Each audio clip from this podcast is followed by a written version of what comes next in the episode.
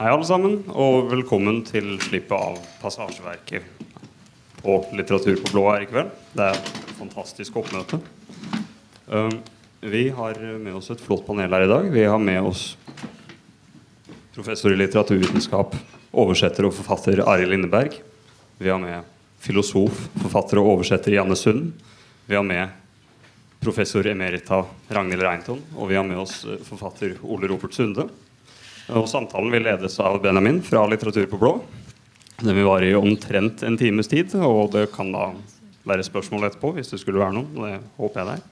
Uh, og uh, bøker er til salgs der borte. Da er det både Passasjeverket bind 1 og 2 og Skrifter i utvalg bind 1 og 2.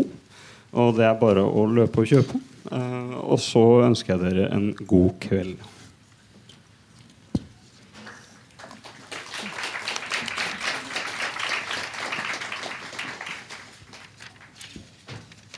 Takk. Før vi begynner samtalen, eh, så skal jeg også holde en kort, liten innledning. Eh, hvor jeg benytter anledningen til å si noen ord om Walter Benjamins passasjeverke som estetisk erfaring.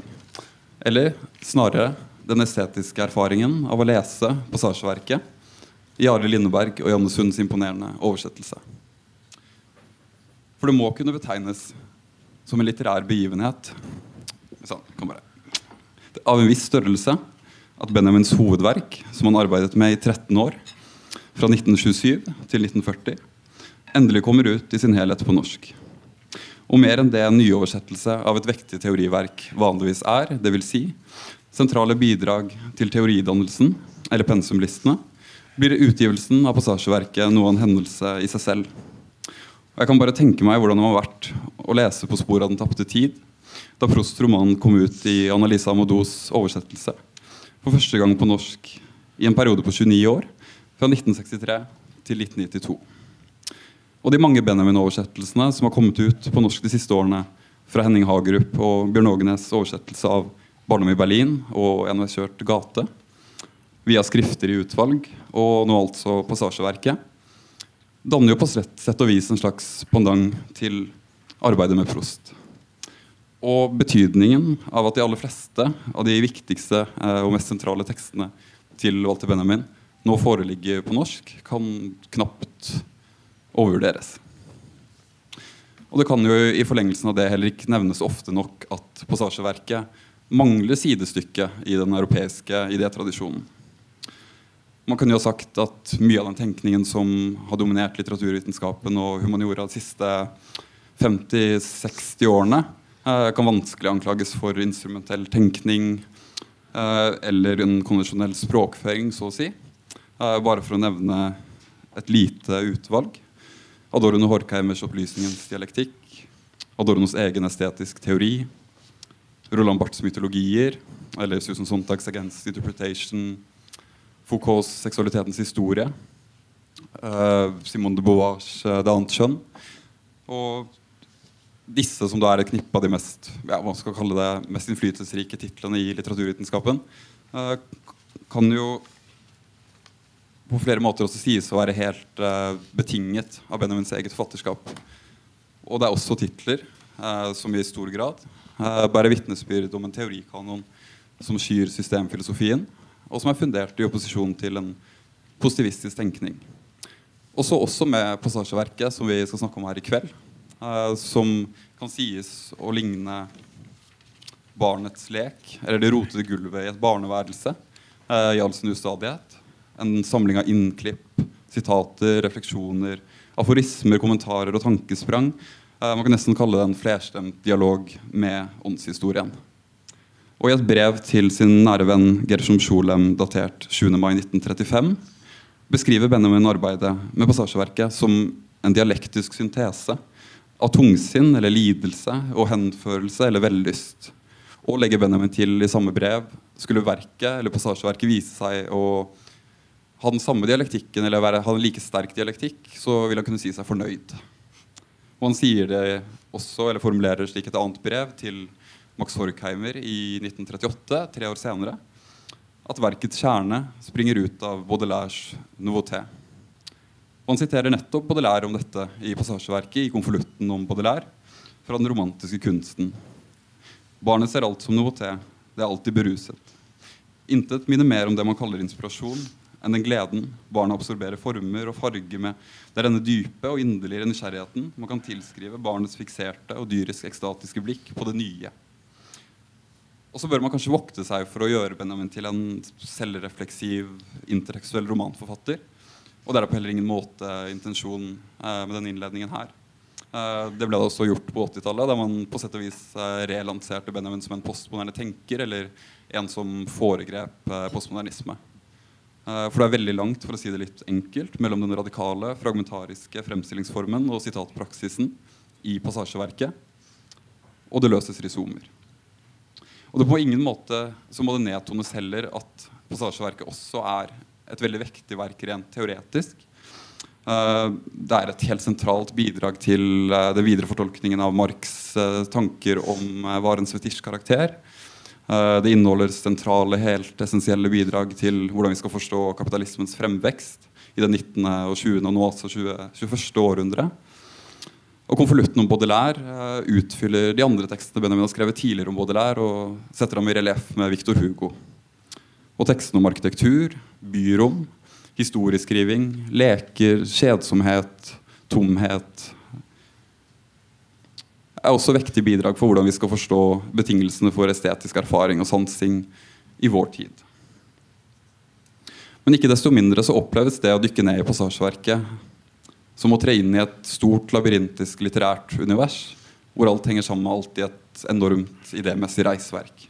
Det er nettopp denne barnlige samlegleden som Benjamin er så opptatt av selv, og som han betoner gjennom hele sitt virke egentlig som, eh, som forfatter og som intellektuell. Som smitter over på og da blir en kan man kalle en vanlig leseglede, en slags henførelse. Men også en omsorg for det uanselige, det glemte og det oversette.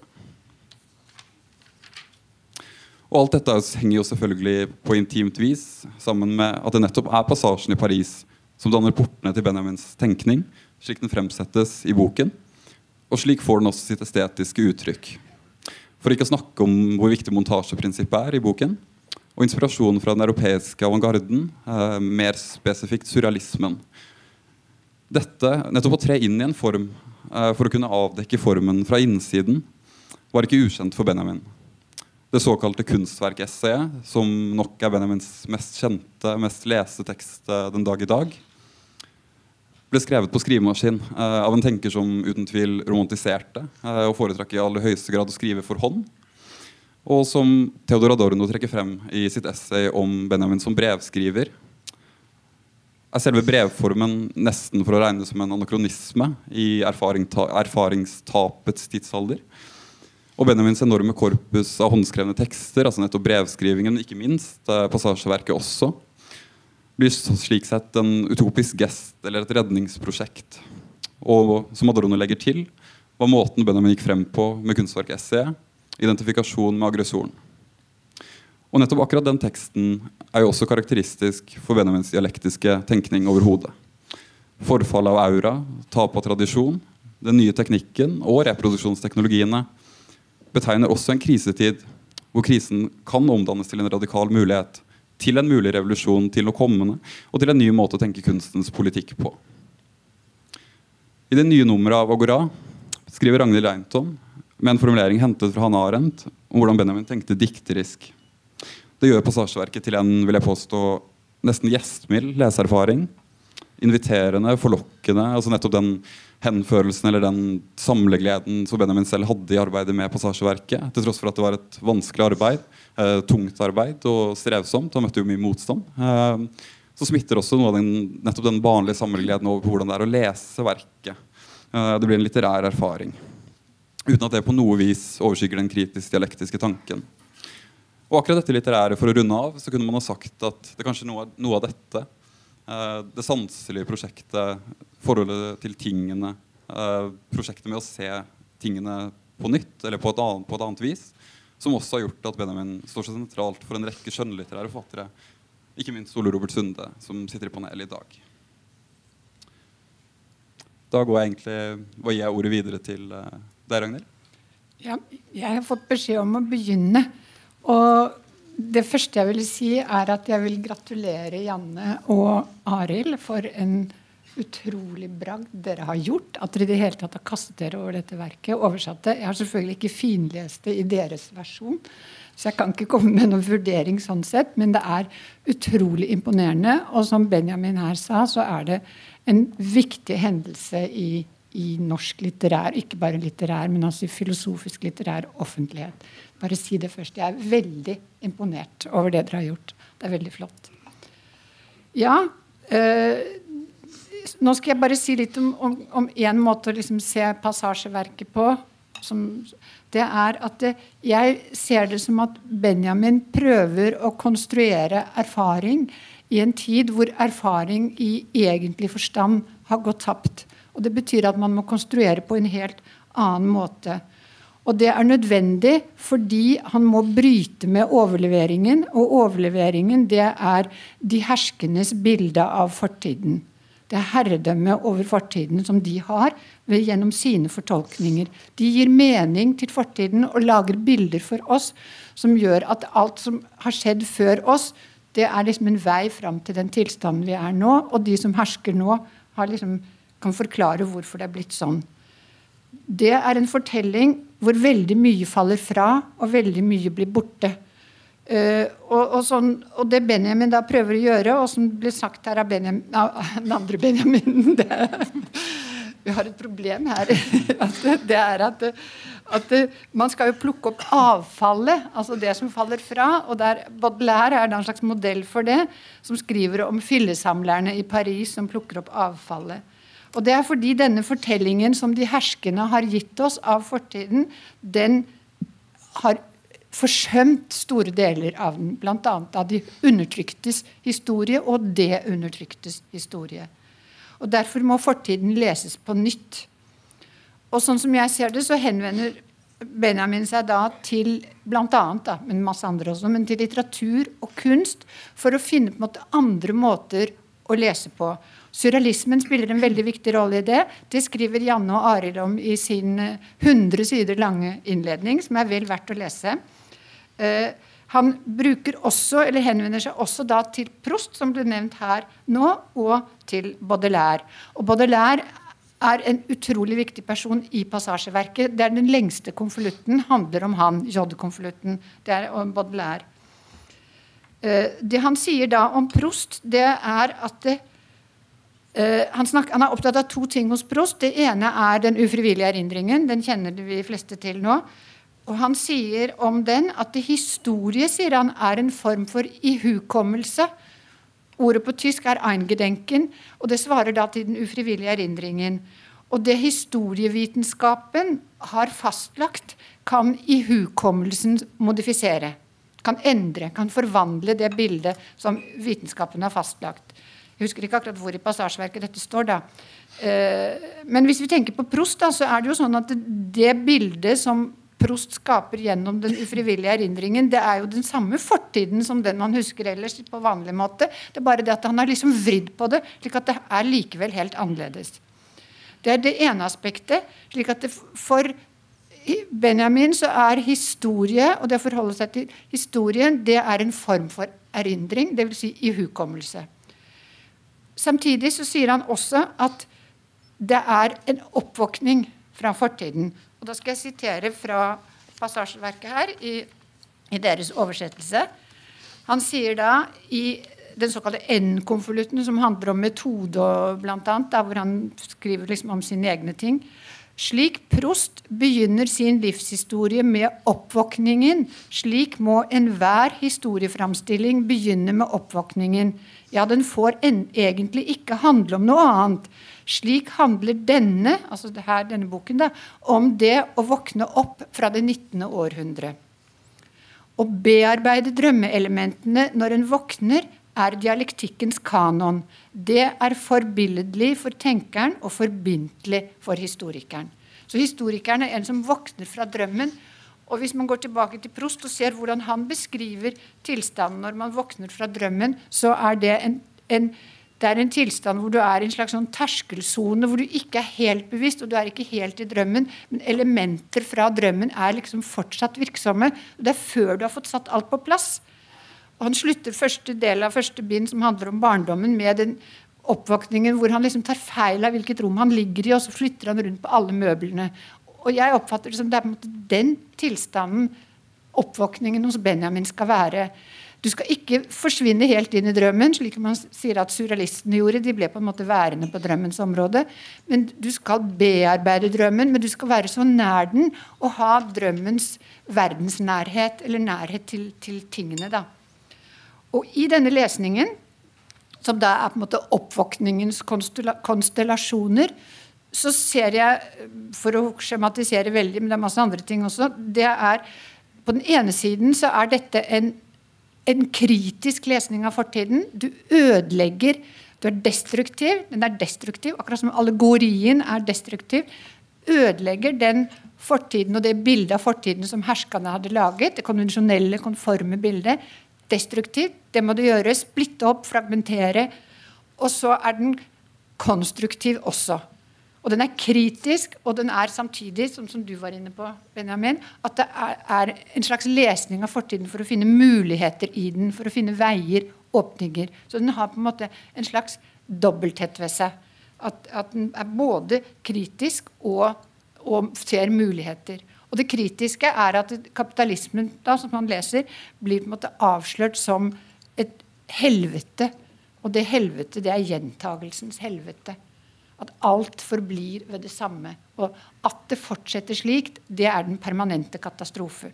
Det er melankoliens blikk på fortiden. For melankolien tømmer fortiden for mening og fratar den mening. Og det gjør på en måte Benjamin i en viss forstand. Han fratar den meningen som herskerne har gitt fortiden for å kunne lese noe annet ut av den. Og da framstår fortiden på samme måte som den, hist den historiens engel som bare står foran ruiner.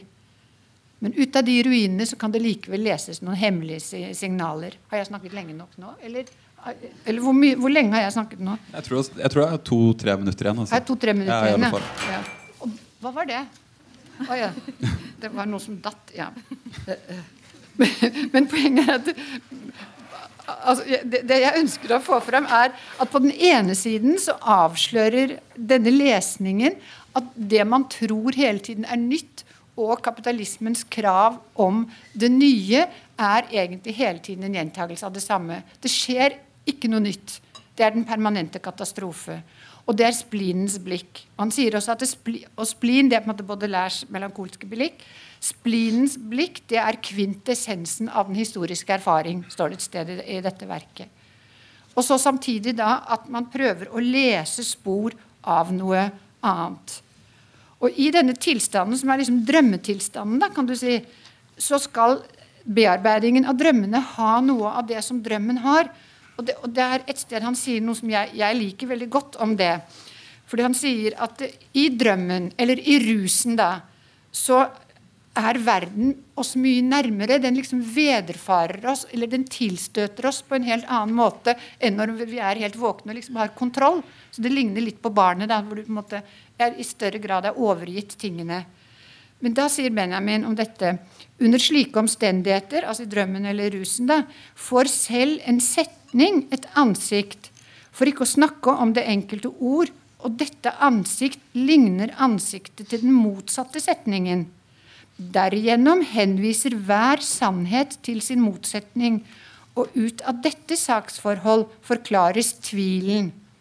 Sannheten blir noe levende, den lever bare i den rytme der setning og motsetning forskyves for å tenke sitt innhold. Altså, det er noe med denne som ligger i dette dialektiske, kan du si. Altså, som, eh, hver ting han finner i passasjene, det er horen, det er samleren, det er flanøren Det er ikke så mye barnet her, men, men det, alle de figurene han finner der, har en dobbelthet. De, er, de har et avtrykk av varen i seg. Og varen er det som er alltid det like. Varesamfunnet som på en måte nivellerer alt, gjør alt likt, reduserer det. Og det er en slags mulighet for noe annet. Åpner et slags potensial, hvis man leser dem på en annen måte. Og denne, den dobbeltheten, at de, de, inneholder sånne motsetninger, alle sammen. Nå stopper jeg. Ja. Takk. Ja, Du kan klappe. Må ikke klappe. Ja, Da begynner Janne, var det slik? Mm.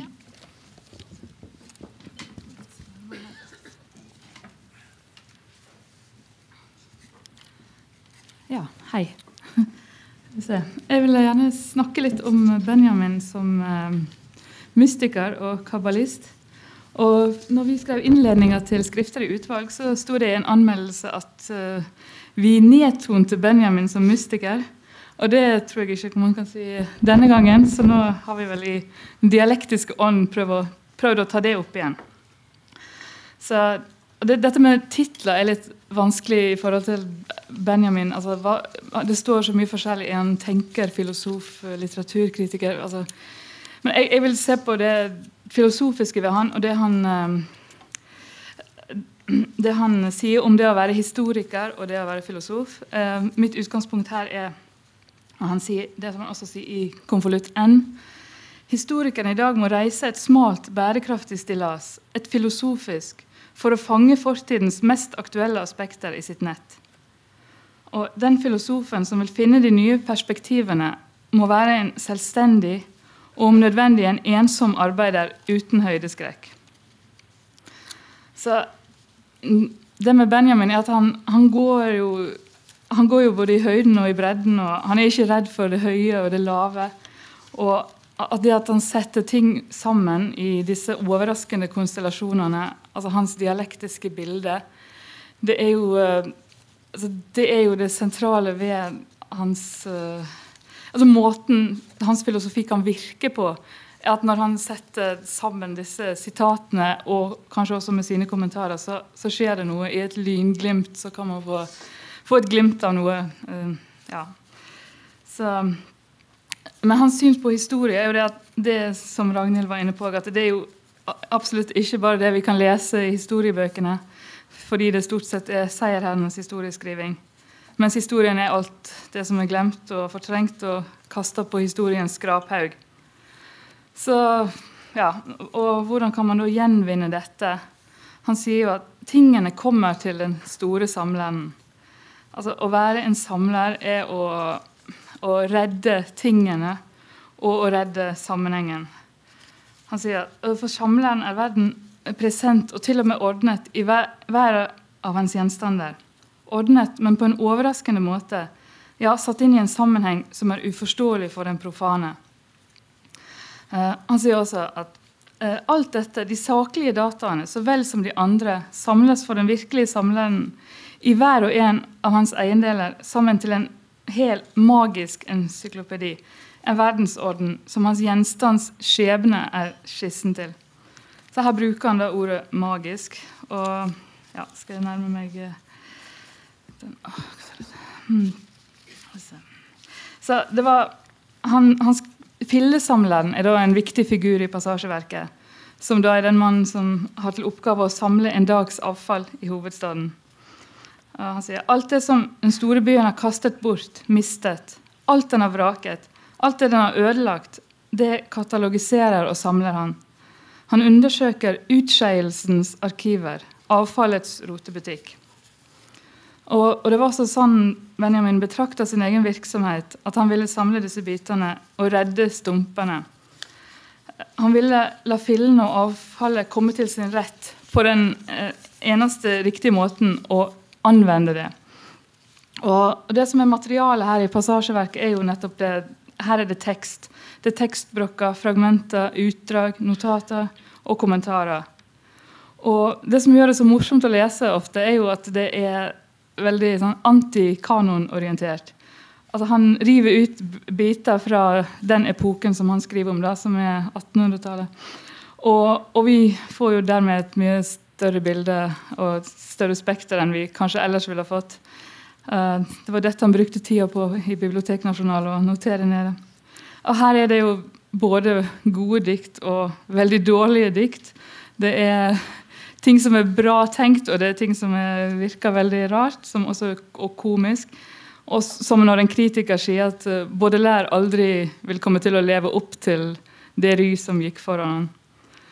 Og, og, det er også synspunkt som er, som er forbløffende. Som, altså glemte teorier, f.eks. innen utopisk sosialisme, tidlig feminisme. Altså der vi ser at verden kunne vært annerledes. Vi ser det i glimt at dersom andre tanker hadde blitt framherskende, så hadde, kunne verden sett annerledes ut. Ja. og, og vi ser det at ja, det som vi ofte ser som sammenheng og nødvendighet, kan være tilfeldig, og at det ikke finnes noe naturlig framskritt. Så ja, Han er jo veldig imot den framskrittstanken, og han bruker ofte ordet 'sprengt' og, og, be, og beskriver verden som en unntakstilstand og kaller det en permanent katastrofe.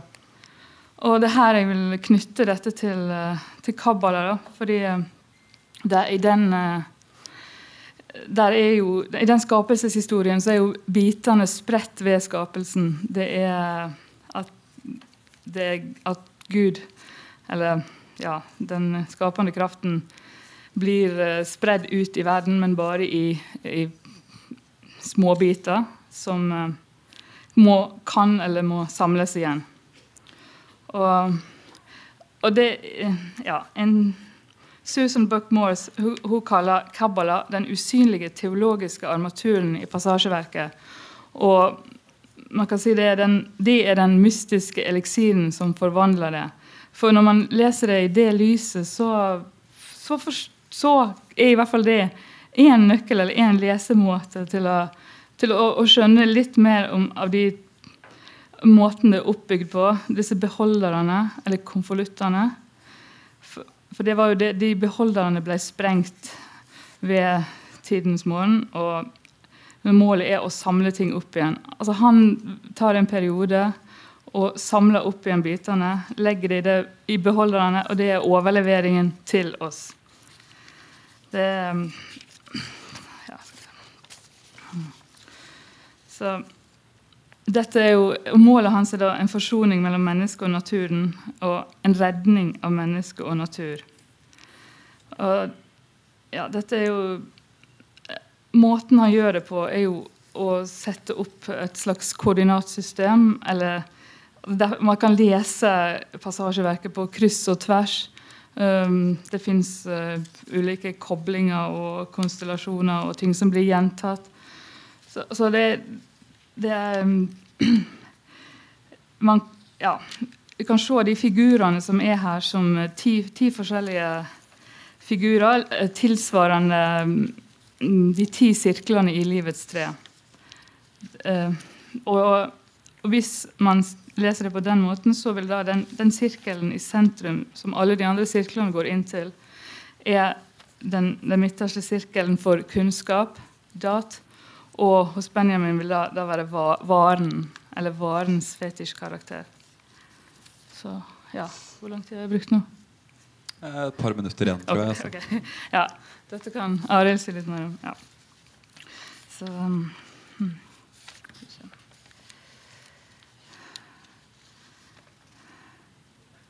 Ja.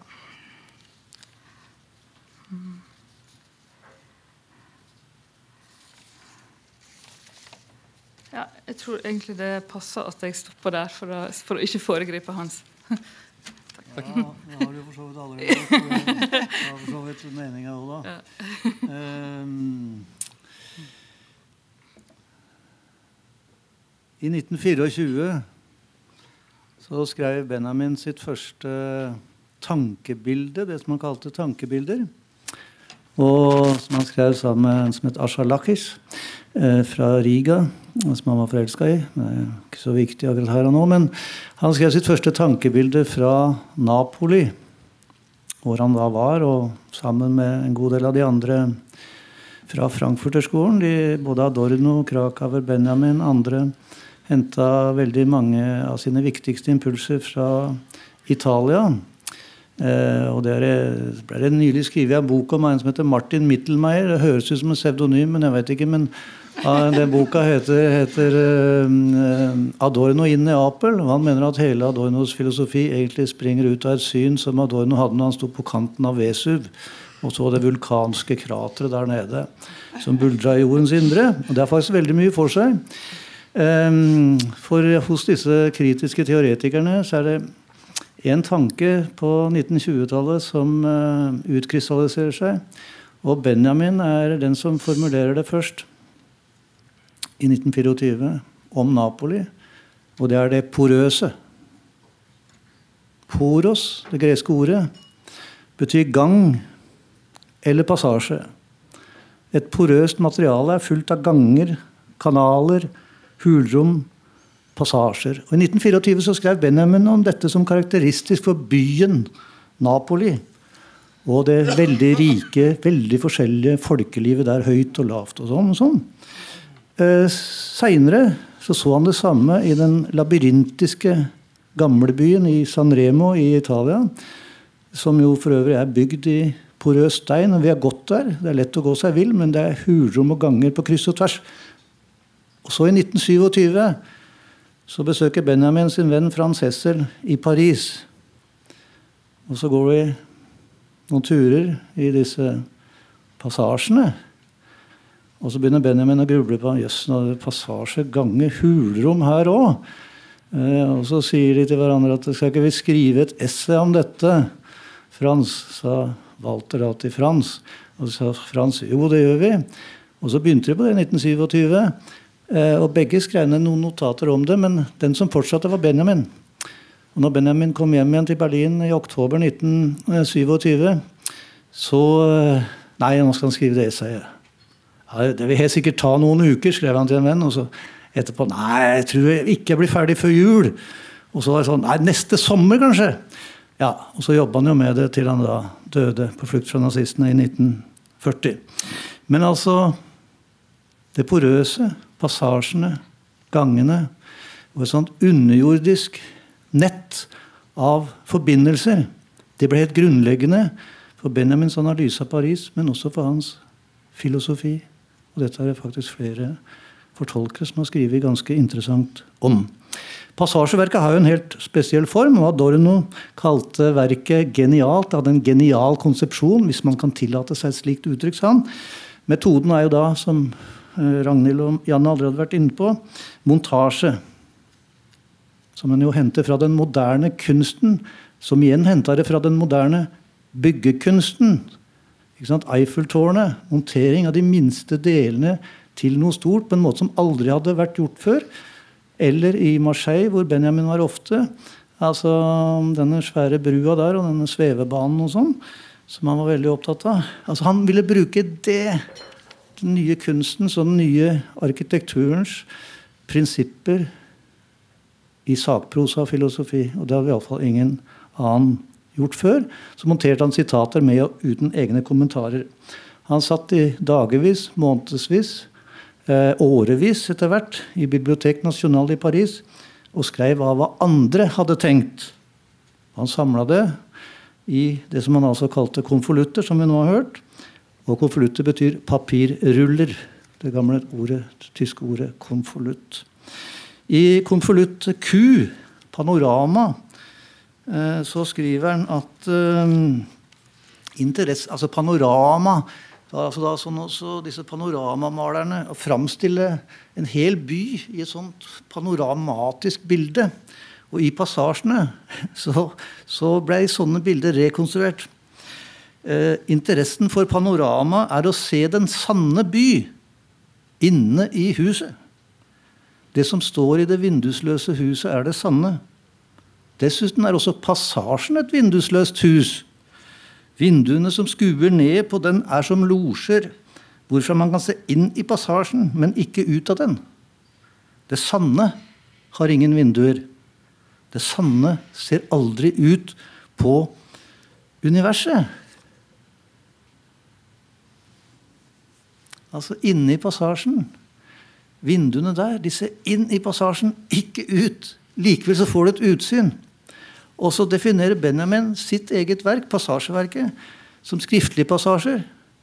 Som passasje, de faktiske passasjene i miniatyr. Og de faktiske passasjene, sa Benjamin, med sine butikker og teater og folkeliv og alt, det var en verden i miniatyr. Og hans passasjeverk er altså en verden i miniatyr. Og hvis vi ser alle de temaene han lista opp var en liste langt som eh, et vondt år, er det det heter. Og hva han hadde tenkt å skrive om, så ser vi sånn Nei, fange verden i miniatyr inni et verk. Han vil vise oss verden i miniatyr. Og så sier han jeg har ikke noe å si. Bare å vise. Han vil vise oss noe, han vil vise hva andre har tenkt. Og sånn. Men hva var det han ville vise oss? Det har vi grubla mye på. Altså, Utgivelsen ble utsatt åtte måneder fordi vi skulle skrive om dette forholdet mellom Kabbala og, og marxisme. Og vi ble slitne. Eh, ja. Men eh, Benjamins notiser, da, som han ordna da, de er ordna alfanumerisk, ikke sant? med bokstaver og tall. Det har dere alle sett, det som har sett det i verket. Men i tillegg, vi har vært i arkivet og sett, så er det tegn Firkanter, trekanter, sirkler, stående og liggende kors i ulike farver osv. Med blekk og farver og alt. Og i kombinasjoner. Og hva betyr dette?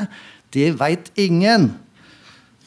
Men flere steder så viser eh, Walter Benjamin til det han kaller det kabalistiske hos Charles Fourier, denne utopiske sosialisten som han var veldig opptatt av. Han sa at min tenkning befinner seg mellom Marx og Fourier. Så står det noen steder i disse skriftene, altså i notisene, så står det sånn Übertragen. Altså enten übertragen overføre eller overført. Og i den jødiske mystikken i Kabbala så er overføring av tradisjonen et sentralt begrep. Og i den jødiske mystikken Kabbala så er det en dobbelt overlevering, nemlig en, his, en skriftlig og en muntlig. Og vi foreslår da, og ser det på den måten, at hos Walter Benjamin så finner vi også en dobbelt overlevering av historia nemlig marxistisk og kabbalistisk. Jeg ehm, skal si litt mer om det. Eh, Janne var inne på det. Benjamin tenkte i koordinatsystemer.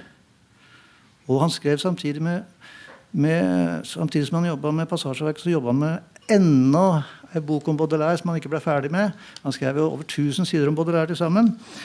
Eh, og den boka om Baudelaire, som skal være i tre den skal være passasjeverket i miniatyr. Og hvordan var nå den eh, komponert? Den var komponert på følgende måte.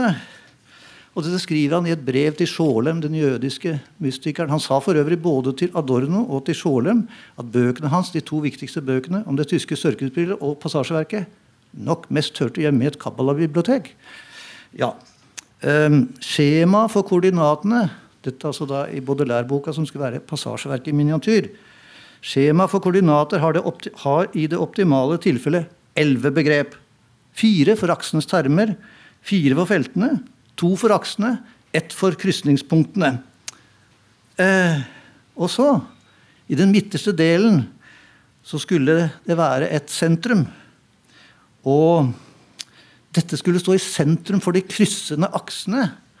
Og her skulle, som Janne sa, varen og varefetisjismen stå. Og Hvis vi da går til eh, livets tre i Kabbala, som Janne kort skisserte, så står det da ti sånne felter, eller sirkler, med kryssende linjer imellom. Sånn eh, diagonaler og rette og og sånn og sånn. Så, så, så, på kryss og tvers som det går an, på kryss og tvers, så kan du ha et ellevte. Og i det ellevte i midten så skal da-at stå, og det er kunnskapen. Og Benjamin han setter så inn sosialhistoriske og filosofiske kategorier i disse feltene. Også i midten der så plasserer han Marx varen, varefetisjismen. Og altså Det han setter inn, det er sånne begreper som historie, urhistorie, bevissthet, verden, bevissthet, underbevissthet, virkelighet, drøm. Figurer som flanøren, horen, spekulanten. Men i sentrum altså varen og varefetisjismen. Hvorfor gjør han dette? Altså, det bruker lang tid på. Flere måneder. Forsøk å forstå. Men vi finner en nøkkel allerede hos Marx. Og den nøkkelen gjengir Benjamin ofte. Han snakker om varens teologiske nykker hos Marx. Og det henter han jo fra Marx. Varens fetisjkarakter. Varenes magi. Så det er altså en forbindelse her allerede fra Altså Marxismen er, er, ikke, er ikke, den som Leif Høgaard sa til oss, er ikke den mystisk nok, den var. Um, ja, Men Benjamin, hvorfor gjør han dette? Jo, han bryter, han ville bryte med tradisjonell filosofi. Han tenkte på en annen måte. Han ville ha oss til å tenke på en annen måte. Og hvilken måte er det han tenker på? Han bryter med tanken om framskritt og med tanken om lineære framstillingsformer. For det er fullstendig brudd med tanken om lineære framstillingsformer. Og i innledninga, den erkjennelsesteoretiske innledninga til traktaten om det sørge, tyske sørgespill, så skriver han framstillingen er innbegrepet av metoden. Og det er det i passasjeverket. Tusen takk. Da går vi videre til Ole Robert sitt innlegg. Ja,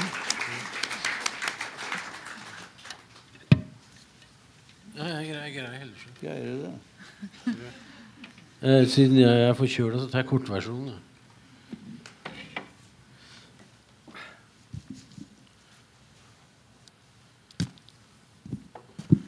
Skal vi se Walter Benjamins volumøse passasjeverke er om hans primatske blikk og samler en sans for sitater og samler forsøk på å se brudflater i storbyen Paris. Ikke like greit i bruddflat som verden er full av på 1900-tallet. Sitat, Samlerens dypeste fortryllelse består i å innlemme den enkelte gjenstand i en magisk sirkel, hvor den, i det en lett skjelving, farer gjennom den. Skjelvingen ved å være ervervet stivner til. Alt erindrede, tenkt og bevisst blir til sokkel, ramme, pidestall og segel på hans beste alt Walter Benjamin mine Samleren. Ettersom hans blikk også gransker arkitektur, sokler, rammer og pidestaller, for ikke å glemme klær og da tidens mote. Han er besatt av å se bruddflatene, er de kommende svingninger som en type av situasjonsevolusjon dukker opp. Jeg kan ikke fri meg fra å tenke på Sibyllens tilbakeholdte blikk i det sistkinske kapellet, der hun stirrer mot framtiden som om Michelangelo kunne ha tenkt det samme som Benjamin. Sitat, Alle kulturdokumenter er også et dokument over barbariet, som har skrevet en av sine historiske teser. Maurice Barres ord om Marcel Proust kunne også passe på Walter Benjamin, kanskje fordi han i mine øyne ikke bare er en digresjonsfilosof, men også en poet. En persisk poet i en portnebolig var Barres ord om det han skriver helt på slutten av essayet om Proust, som også passer på Benjamin. Bare flyttet vekk sengen til et bord på det, franske, for det franske nasjonale biblioteket, og da for den tredje gangen sitat. For annen gang reiste det seg et stillas som det Michelangelo brukte når han med hodet bøyd bakover mot nakken malte skapsnitt taket på det sicilske kapellet. Den sykesengen der Prost uten støtte på hendene dekket med sin håndskrift de utallige arkene som han tilegnet skapelsen av sitt mikrokosmos. På mange måter er passasjeverket en katedral, uferdig og litt rølpete, men så tettpakket med setninger som er blitt fyndord. Nesten alt Benjamin skriver, er siterbar. Om, om han var en samler på sitater, så er det andre som også samler på hans sitater. Og det han har skrevet om Prost og Kafka, må nå være pensum for de som vil lese Kafka og Prost. Det er nesten som om Benjamin bruker Baudelaire som en slags Vergil gjennom passasjeverket. Ikke person, men diktene av Paris er så å si utenkelig uten Baudelaire. Det samme er passasjeverket. Man må, sitat, man må arbeide seg gjennom flot de Mal med øye for hvordan tingene løftes opp til allegori. Bruken av majuskel bør studere nøye. Baudelaire lyser fra 1800-tallet så mye at det er utenkelig å skrive passasjeverket uten å ta med Baudelaire selv lenge etter at han døde. Det er ikke bare han, det er omnipotente verker. Er full av lenker til mange verker og ulikfattere som Marx, Apollinaire, Granville, Branton, selvfølgelig Brecht, Simmel, Balzac og Leopardi. Nå foreligger det fire bind av Walter Benjamin. Det er litt av en bragd Ar Lindeberg og Janne Sund har igangsatt, samt Vidar forlag. Fire tykke bind som holder oss i kontakt med det intellektuelle tankegodset som vi trenger for å bli gjennomstrømmet av en rå type av dialektikk, dialektikk, dialektikk i stillstand. Var forkjølt utgave.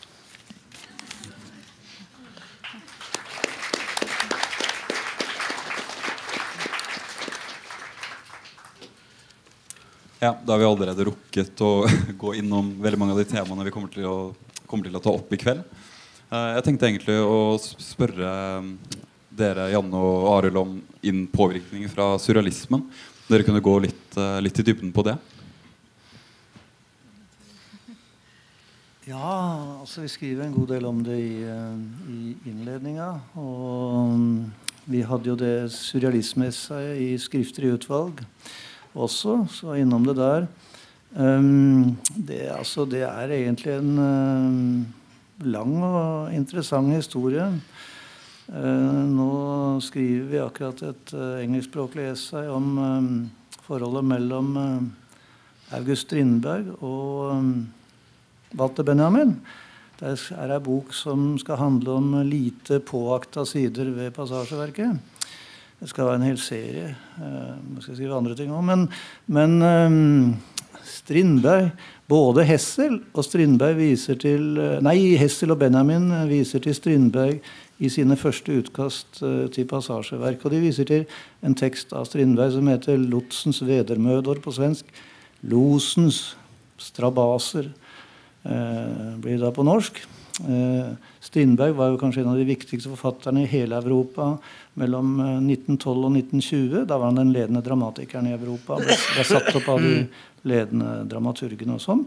Benjamin hadde lest mye Strindberg, kan vi se i bind 7, 2, eh, side 461, et eller annet sånt, hvor det står liste over hva han har lest av Strindberg.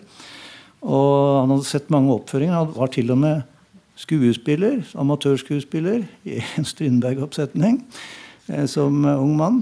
Eh, men han viser til han og leser viser til lotsens vedemødor. Og den handler om en los som borer et skip som han har fått i oppgave å skulle redde. Og så viser det seg å være et spøkelsesskip.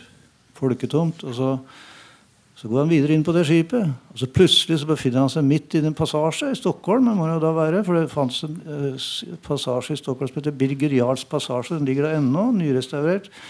Eh, det var en sånn snobbete passasje. Der hadde Stridberg prøvd en kunstutstilling eh, av bildene sine i 1895, uten at han fikk solgt et bilde. Men det er ikke så viktig akkurat der. Men, eh, men så kommer losen inn der i denne passasjen. Og så ser han inn i et sånt vindu. Seinovs uh, storhandlere.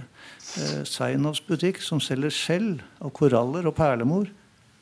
Og så ser han liksom, plutselig er en sånn undersjøisk verden. Da. Så han beveger seg fra liksom, fra å være los på et skip, eh, og så bor et spøkelsesskip. virkelig, Det beveger seg mer og mer over i det uvirkelige. Og så kommer han inn i en passasje, og så den, blir det helt uklart om han er i drøm eller virkelighet. Og dette er jo Strindbergs surrealisme, som vi også finner i et drømmespill og i Til Damaskus sånn. Andre scener der, særlig et drømmespill. Og hvis vi går til Louis Aragons uh, Le Paysan de Paris, Pariserbonden, som jeg for øvrig også holder på å oversette til norsk, eh, fra 1927, så var det en av Benjamins absolutt viktigste tekster, forelegg, for eh, det han skrev om passasjen. For der skriver Aragon om eh, operapassasjen i Paris, bl.a., og dens eh, forfall. Og hva finner vi der? Der finner vi en scene hvor det er en mann i dette tilfellet er det jeg-fortelleren, Aragon, som går inn i en passasje og stiller seg foran et vindu. Og så, ser han akkurat, så befinner han seg i en undersjøisk verden med havjomfruer og, og, sånn og sånn. Altså fullstendig surrealistisk scene. Og det med surrealismen, det er jo da at eh, Benjamin så Og det er jo vanvittig rart. Originalt, men godt tenkt. Han så historia som en drøm. Så vi har jo ikke tilgang ikke til våre egne historier engang. Historia, både den kollektive og den individuelle, er som en drøm. Det sa Sandemo så det svunne er en drøm. ikke sant? Og ut fra det så definerte jo Benjamin historikerens rolle å være drømmetyder, nemlig tyde de kollektive drømmene. Og for å få folk til å våkne opp fra de kollektive drømmene, den kollektive drømmeverdenen, som kapitalismen hadde skapt, og som passasjene var et virkelig innbegrepet av på 1800-tallet. Kanskje du kan si litt mer om det? Fantasmagori, hva det er for noe, f.eks.? For, eksempel? for det er helt nøkkel i forhold til Benjamins surrealistiske forståelse. Ja, eh, fantasmagori det, det, var noe de begynte med på teater. Det var Skuespillerne bevegde seg på scenen eh, sammen med skygger og altså det, det, var de, de nyeste tekniske innretningene på den tida der det kunne bevege seg eh, skygger og bilder bak de, og dette foregikk samtidig som skuespillerne holdt på med sitt. Så det, så det fantasmagori var at du kunne, altså ikke kunne skille mellom uh, virkelighet og illusjon lenger. Og ja, det, det er jo nettopp det som uh, ja, skjer i denne vareverdenen. At når man får denne varenes uh, magiske kraft. At man går inn i passasjen og, og blir stående foran disse butikkvinduene. Og, og, og det er en, en, egen verden, en verden man blir fanga inn i. og på sett og vis ikke kommer seg ut igjen. Vi kan jo tenke på det som kom etterpå med, med teknologi, med, med, film, med internett, og, og hva, hva, er det slags fantasmagorier vi befinner oss i i dag. Det, men, men, du snakket om den Strindberg og, og lotsen. da. Det, det slutta jo med det eventyret at, at um, denne jenta som blir fortalt det eventyret, hun stiller flere spørsmål. Ja, hvorfor, hvorfor, gikk han inn i den båten? Og gikk han tilbake igjen fra passasjen til båten? Og, og så sier da denne, det mora som forteller historien, sier Sånn kan man jo ikke spørre. Det er jo bare et eventyr. Så det har jo noe også med en, en oppvåkning å komme komme ut, av det. Hos Strindberg var, var det jo en oppvåkning. Ja. Og morsomt i den forbindelsen er også at um, Benjamin fra 1927 728 til 1935 så var hans arbeidstittel uh, det var uh, Paris passasjer. Et dialektisk eventyr. Altså en dialektiske ferie av det engelske fairytale, men egentlig av det franske ferie. Og ferie, uh, det var nettopp denne typen skuespill med spektakulære effekter som ga opphavet til begrepet fantasmagori. Og sånn som Benjamin bruker det, kapitalismens fantasmagorier, altså kapitalismens magiske vareverden, så er det en sammensetning av fantasme og agora, det gamle ordet agora, for markedsplass, torg. Så fantasmagori, det er markedets, eh, varemarkedets eh, fantasi og drømmeverden. Takk, takk for svaret om det. Jeg har alltid lurt på det derre. Altså, eh, fordi på den ene siden så har du eh, varen som da er nivellering som tømmer for mening og nedvurderer tingene. ikke sant? Ved på en måte, å, altså Bytteverdien for kontroll over bruksverdien. altså Det har på en måte en sånn veldig negativ effekt og er roten til denne evige gjentakelse av det samme. På den annen side så er varen en drøm. altså den, den, den, skaper ønskebilder. Den skaper en slags utopier i en viss forstand. Den, eh, er, det fordi, er det fordi varen, når den blir forbruksvare og luksusvare, slik den ble i passasjene, blir innhyllet i en form for vareestetikk og en, en reauratisering, eller en ny form for aura som skapes rundt varen, og dermed også at, at når man kjøper noe, eller noe sånt, så får man en slags forventning om lykke. Eh, slik at, slik at varen da får denne dobbeltheten av fornedring og at du på en måte har mistet kontakten med produksjonsprosessen og hva det var som skapte varen. altså selve historien til varen. Og så har du fått en ny animisme. Da. Du har liksom besjelet varen på nytt med en aura som, som, gjør at det blir et slags ønskebilde og drømmebilde. Og sånn så er den der drømmen er veldig tvetydig. Den rommer også ønsker og en utopi om noe annet. Men man får jo aldri det selvfølgelig ved å kjøpe disse varene og konsumere dem. Det får man jo ikke. Og jeg tenker at, surrealismen det, det, er jo også det at de, de vet å lese de hemmelige signaler i nettopp den moderne verden. Det, det, det, er de signalene som Benjamin også ønsker å tyde ut av, av denne verdenen, da, av dette århundret, når han skal tyde drømmene. Og, og, og, jeg tenker også at er noe Jeg, jeg, jeg syns det er veldig interessant det dere sier med, som jeg ikke har tenkt over eller ikke satt meg inn i, hvordan passasjeverket er konstruert ut, ut fra en slags sånn kabbala, kabbala, eller, kabbala, eller hvordan det uttales en, eller annen sånn koordinater og alt det der som han har hentet fra det.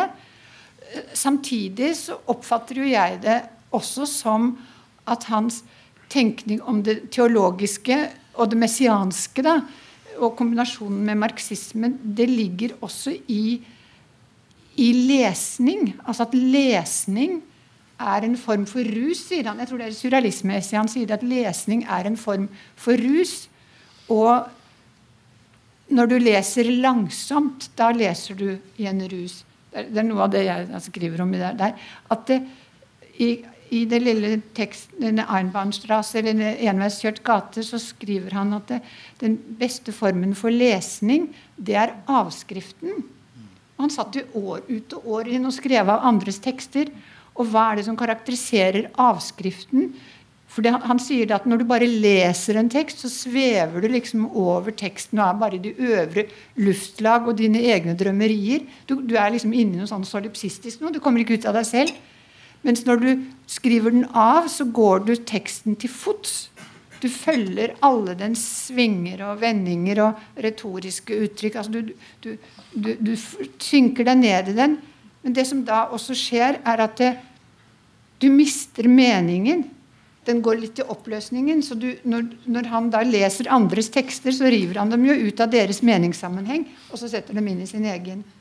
Og, og, nå har jeg mistet råden i hva det var jeg snakket om. For, for, for, jeg tenker også at denne formen for lesning, som er denne langsomme, langsomme lesningen, den er knyttet opp mot noe teologisk. For, fordi den fokuserer på at språk er mer enn kommunikasjon. Den fokuserer på at språk er ord, bilder, ting, figurer. Språk har ansikter, sånn som det sitatet jeg leste i sted, at ord og setninger har ansikter.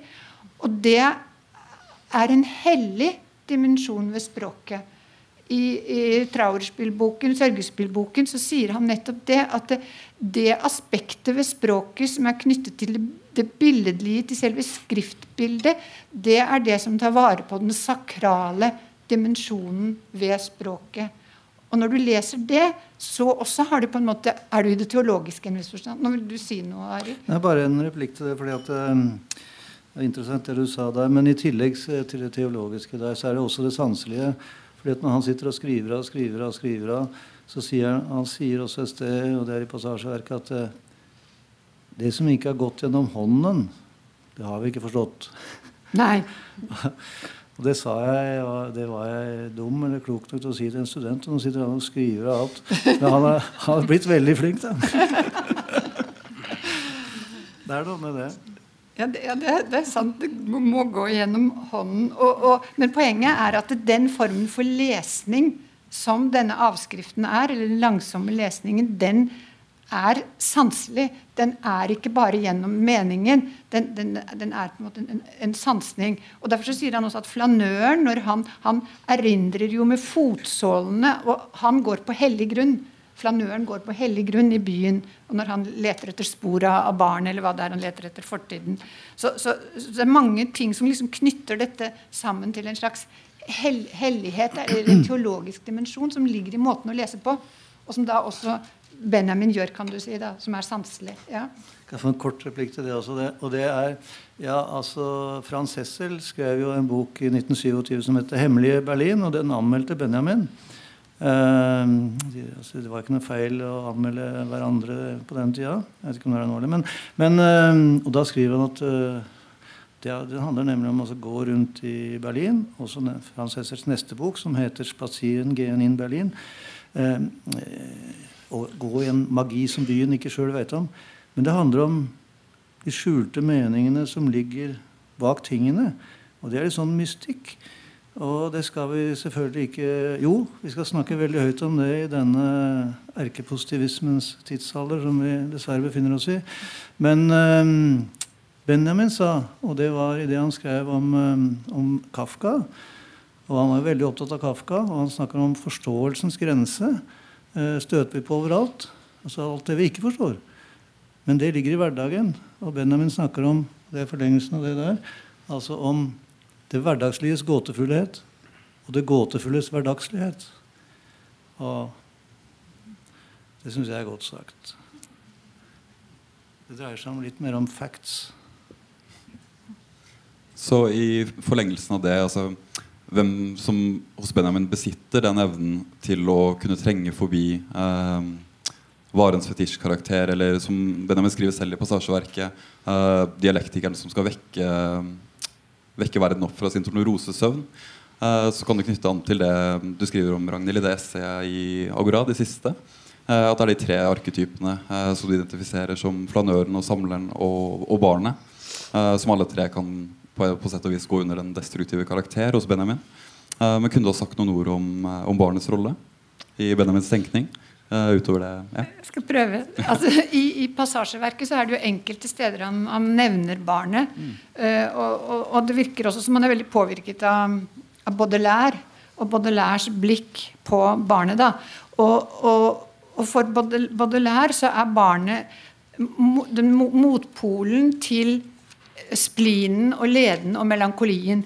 For når melankolien griper fatt i poeten, da har du mistet all interesse for noe som helst. Ikke sant? Du, har, er, du, er, ikke nysgjerrig i det hele tatt, men barnet er nysgjerrig, og det undrer seg, og det stiller nettopp spørsmål, som du sa, den jenta som stilte spørsmål. Men det er en annen ting, da. Men, men, og det barnet har da som en som han skriver i passasjeverket, så vidt jeg husker, dere husker det sikkert bedre, det er at bar, barn, altså enhver barndom fornyer på en måte vår symbolverden. fordi for, for, hver barndom så har de nye maskinene og de nye tingene har en slags sånn mytisk karakter fordi de innlemmes måte, i deres verden, som er en annen måte å behandle tingene. Fordi de er ikke på samme måte underlagt formålsrasjonalitet og handlingsverdenen som vi er. Så, så tingene åpner seg for dem, og de inngår liksom i andre relasjoner med tingene.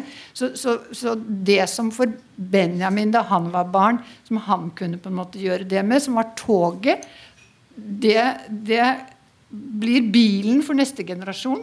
Og, og, og, da tenker jeg på meg selv at da jeg var liten, så hadde alle barn, alle, barn, alle biler hadde ansikter. Og jeg kunne se forskjell på alle bil, bilmerker. Altså En Citroën så helt annerledes ut enn en folkevogn. Altså, nå syns jeg alle ser ut som bobler. Ikke sant? Hvis dere skjønner hva jeg mener. Altså, mens den, hva den nye generasjonen Det er noen som lo baki der. men, men, det er noe med at, at, barn innlemmer stadig nye ting. Jeg er sikker på Mine foreldre synes ikke så ikke noen ansikter i de bilene i det hele tatt. Eh, og hva barna ser nå i datamaskiner, og sånn, det vet jeg ikke. Men, men, men, det er noe med at barndommen hele tiden fornyer verden for oss. Fordi vi voksne gjør ikke det. Og så er det da særlig egentlig i 'Barndom i Berlin', som han på en måte er en slags pendant til passasjeverket, og som også er et erindringsverk. Men der er det altså barndommen han tar opp. Eller han tar opp et barns møte med byen. Eksemplifisert med seg selv, men det er ikke primært en selvbiografi. Det viktigste med den boken er et barns tett a tett, som han sier, med storbyen Berlin rundt 1900. Og, og, og hele tiden da får han fram hvordan barnet har nettopp denne evnen til å forholde seg mimetisk og ikke kontrollerende overfor verdenen. Inngår i et gjensidig forhold til verden, har en oppmerksomhet, forvandler tingene, ser hele tiden muligheter i tingene som går de voksne hus forbi, fordi vi hele tiden skal bruke dem til noe nyttig.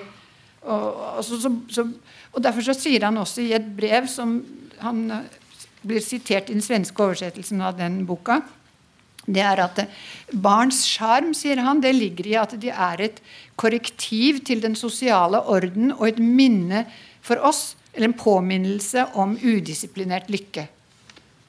Og dette med lykke syns jeg er veldig viktig hos, hos Benjamin, som som, går, som man aldri sier helt presist hva lykke er.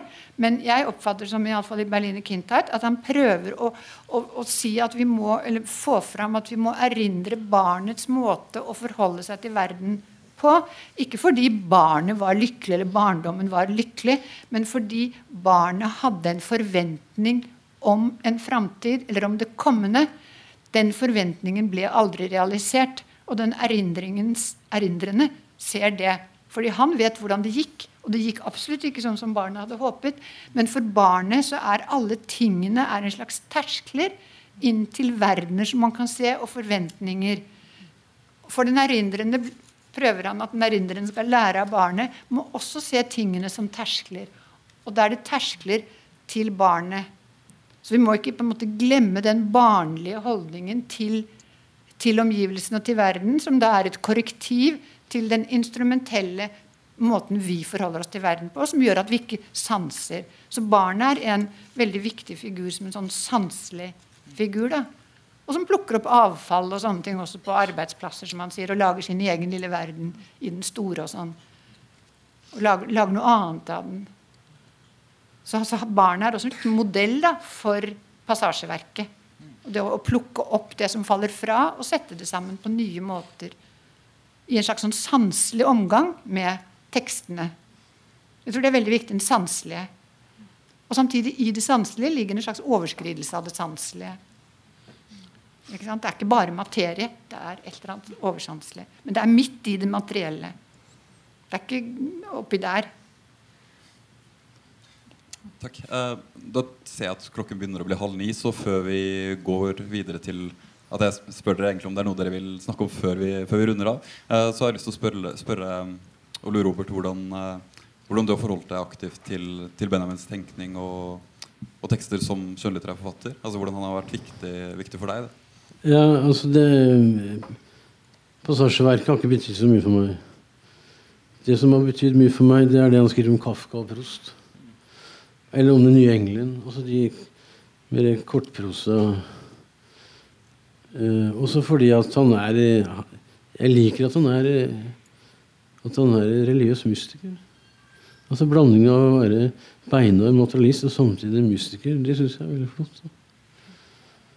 Og, så, og så minner han meg mye om Derrida. Altså han, han, eller Deleuze, da tusen platåer. Altså han setter opp et sted som jeg ikke aner hva er for noe. Og det er det jeg blir, det er det jeg blir besatt av. Å finne ut hva faen er det han holder på med. Kan jeg lære noe av det? Det er det jeg syns er så flott med Walter Benjamin. Det er nettopp det umulige stedet han er på. Som ikke jeg vet hva er for noe. Og så har jeg veldig sans for at han er en jødisk mystiker. Det liker jeg. Da tenkte jeg egentlig å spørre dere alle fire om det, om det er noe dere har lyst til å gå innom.